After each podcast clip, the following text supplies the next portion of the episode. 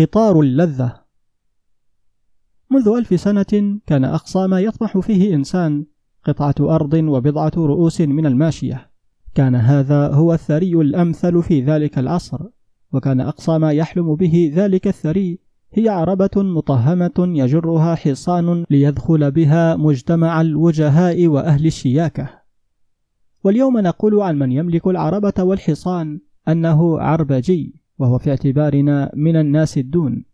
أما أهل الشياكة والوجاهة فقد استبدلوا الأرض بالعمارات ثم استبدلوا العمارات بالشركات ثم استبدلوا الشركات بمجرد دفتر سندات أو دفتر شيكات بحجم الجيب مجرد رأس مال يتوالد من تلقاء ذاته بالإسهام في أي مشروع.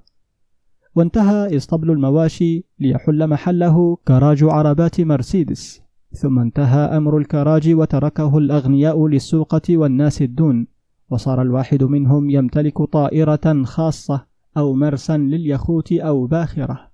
وغدا تصبح الطائرات من أملاك الفقراء ويظهر الأغنياء الوجهاء الذين يملكون الصواريخ والسفن الفضائية والأقمار الصناعية وتصبح رحلة نهاية الأسبوع عشاء ساهرا في المريخ. الزمن استدار. وانتقل الناس من حال إلى حال بسرعة غريبة وأحلام زمان أصبحت الآن متاحة للكل. والفلفل والحبهان الذي كانت تحمله السفن من الهند عبر رأس الرجاء الصالح في رحلات مهلكة محفوفة بالأخطار ليوزن بالذهب ويوضع في الخزائن مع المجوهرات ولا يظهر إلا على موائد أصحاب الملايين. ومثله مناديل الحرير الهندي التي كنا نقرأ عنها في بيوت اللوردات في روايات زولا وبلزاك. كل هذا نزل ليصبح في متناول السوقة والفلفل والحبهان الآن عطارة الفقراء. والحرير طرده النايلون والداكرون والتريلين من السوق. فهبط إلى نصف ليرة للمنديل وأصبح زينة متاحة للخدم وعاملات المحلات. أي إنسان من مستويات الدخل البسيطة يستطيع الآن أن يحصل على كثير من وسائل الترف التي كانت تحلم بها جدتي وجدي ويسيل لها اللعاب. ومع ذلك فالبؤس موجود والتعاسة ما زالت هي القاعدة والشكوى مستمرة على جميع المستويات. تشهد بذلك أعمدة الصحف والأغاني والكتب وأخبار الإذاعات ووجوه الناس المربدة المتجهمة في الشارع ومشاكساتهم الدائمة. وصدورهم الضيقة بكل شيء. لا شيء مما تصور الإنسان أنه سوف يسعده قد أسعده وهو ما كاد يمتلك ما كان يحلم به حتى زهد فيه وطلب غيره وهو دائما متطلع إلى ما في أيدي الآخرين غافل تماما عما في يده. ينسى زوجته ويرغب في زوجة جاره وزوجته أحلى وأجمل ولكنها الرغبة التي لا تشبع. والتي يتجدد نهمها دائما وتتفتح شهيتها على كل ممنوع ومجهول.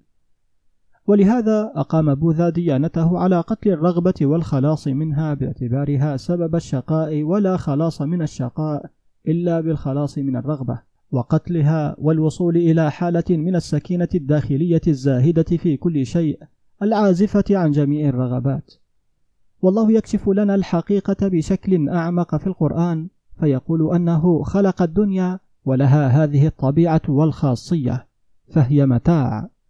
إنما هذه الحياة الدنيا متاع. والمتاع هو اللذة المستهلكة التي تنفد. من خصائص الدنيا كما أرادها خالقها أن جميع لذاتها مستهلكة تنفد وتموت لحظة ميلادها. في كل لذة جرثومة فنائها. الملل والضجر والعادة ما تلبث وان تقتلها. هي الطبيعة التي أرادها الله للدنيا لأنه أرادها دار انتقال لا دار قرار. ولهذا جعل كل لذة بلا قرار ولا استقرار لأنه لم يرد لهذه اللذات أن تكون لذات حقيقية وإنما أرادها مجرد امتحان لمعادن النفوس مجرد إثارة تختبر بها الشهامة والنبل والعفة وصدق الصادقين وإخلاص المخلصين. والذي يدرك هذا سوف يستريح تماما ويكف عن هذه الهستيريا التي تخرجه من شهوة لتلقي به في شهوة وتقوده من رغبة لتلقي به في أتون رغبة وتجره من جنون لترمي به في جنون. سوف يريح ويستريح ويحاول أن يروض نفسه ويستصفي روحه ويطهر قلبه ويعمل للعالم الآخر الذي وعد به الله جميع أبنائه بأنه سيكون العالم الذي تكون فيه اللذة الحقيقية والألم حقيقيا. وهو لن يندم على ما سوف يفوته من لذات هذه الدنيا لأنه علم تماما وبالتجربة والممارسة أنها لذات خادعة تتفلت من الأصابع كالسراب. وهو قد قرأ التاريخ وعرف أن مال قارون لا يزيد الآن بالحساب الحالي عن مائتين من الجنيهات بالعملة النحاسية. هكذا قدرت جميع خزائنه بالاسترليني وما أكثر من يملك المائتي جنيه الآن من سكان بيروت ويشكو الفقر ويلعن اليوم الذي ولد فيه مع أنه بحساب التاريخ أغنى من قارون. إنها الخدعة الأزلية. تحلم بامتلاك الأرض فإذا بالأرض هي التي تمتلكك وهي التي تكرسك لخدمتها. تتصور أن المال سوف يحررك من الحاجة فإذا بالمال يفتح لك أبواب مطالب أكثر وبالتالي يلقي بك في احتياج أكثر. وكلما أحرزت مليونا احتجت إلى ثلاثة ملايين لحراسة هذا المليون وضمانه. وتدور الحلقة المفرغة ولا نهاية. وهذه طبيعة عالمنا الكذاب الذي نمتحن فيه.